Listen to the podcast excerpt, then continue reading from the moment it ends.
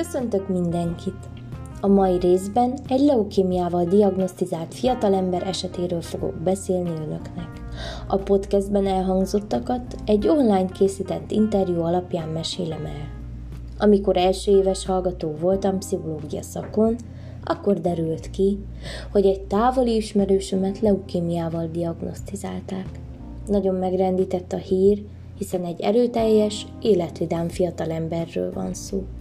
De szerencsére ez elmondható mai napig róla. Első körben arról kérdeztem interjú alanyomat, hogy voltak egy jelei a diagnózisnak, illetve hogy hogyan zajlott a kezelése. A következő választott. Több jele is volt. Jókor voltam, jó helyen, jó embereknek köszönhetően. Már ott szakadt a cérna, amikor beértünk a Marosvásárhelyi kettes gyermekklinikára. Úgy gondolom, ott a legjobb kezelést kaptam minden tekintetben. Egy 8 hónapos kemoterápia esetében fontos tényező, hogy meg tudjon barátkozni a beteg a környezetével. Mai napig szívesen járok vissza oda, mert tudom, hogy egy olyan hely, ahol szeretnek. Ezt követően arra voltam kíváncsi, hogy a kezelése során kapott-e valamilyen segítséget pszichológiai szempontból. A kérdésemre ezt válaszolta.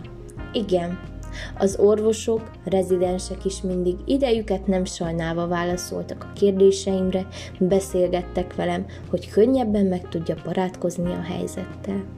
Ugyanakkor a Little People alapítványnak köszönhetően minden nap jön egy vagy több önkéntes, akik kimondottan a gyerekek lelki egészsével foglalkoznak. Programokat, tevékenységeket szerveznek, ezáltal is megkönnyítik az ott töltött időt.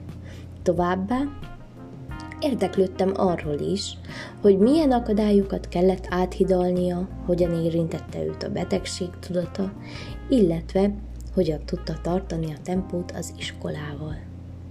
Elmondása szerint nehéz volt elfogadnia a tényt, ugyanis tudta, hogy még rengeteg mindent szeretne csinálni az életben. Az egyik legnagyobb akadálynak a segítség elfogadását tartotta.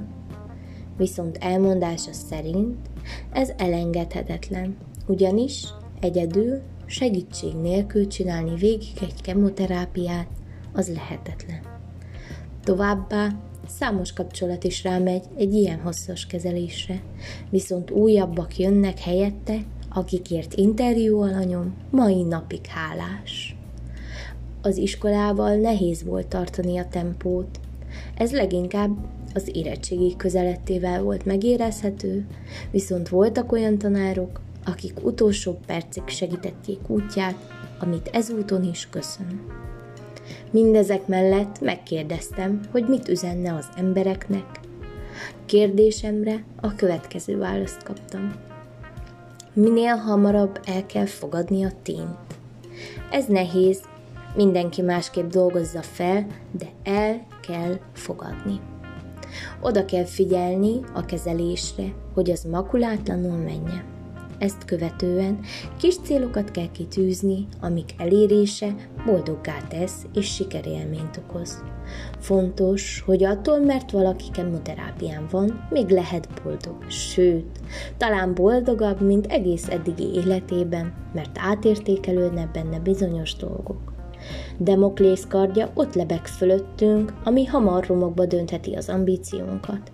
Ezért kellenek a kis célok amennyiben ezek már mennek, és nem arra fókuszál az ember, hogy de én beteg vagyok, én ezt nem tudom. Onnantól lehet távolabbi célokat is megtervezni, mert igenis meg lehet gyógyulni. Összességében tehát elmondhatom, hogy ahogyan interjú alanyom is nyilatkozott, fontos, hogy kitartsunk, és minden apró dologba meglássuk a jót, ugyanis lehetséges.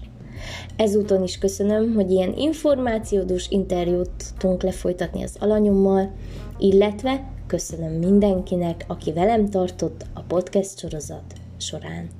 Viszontlátásra! thank you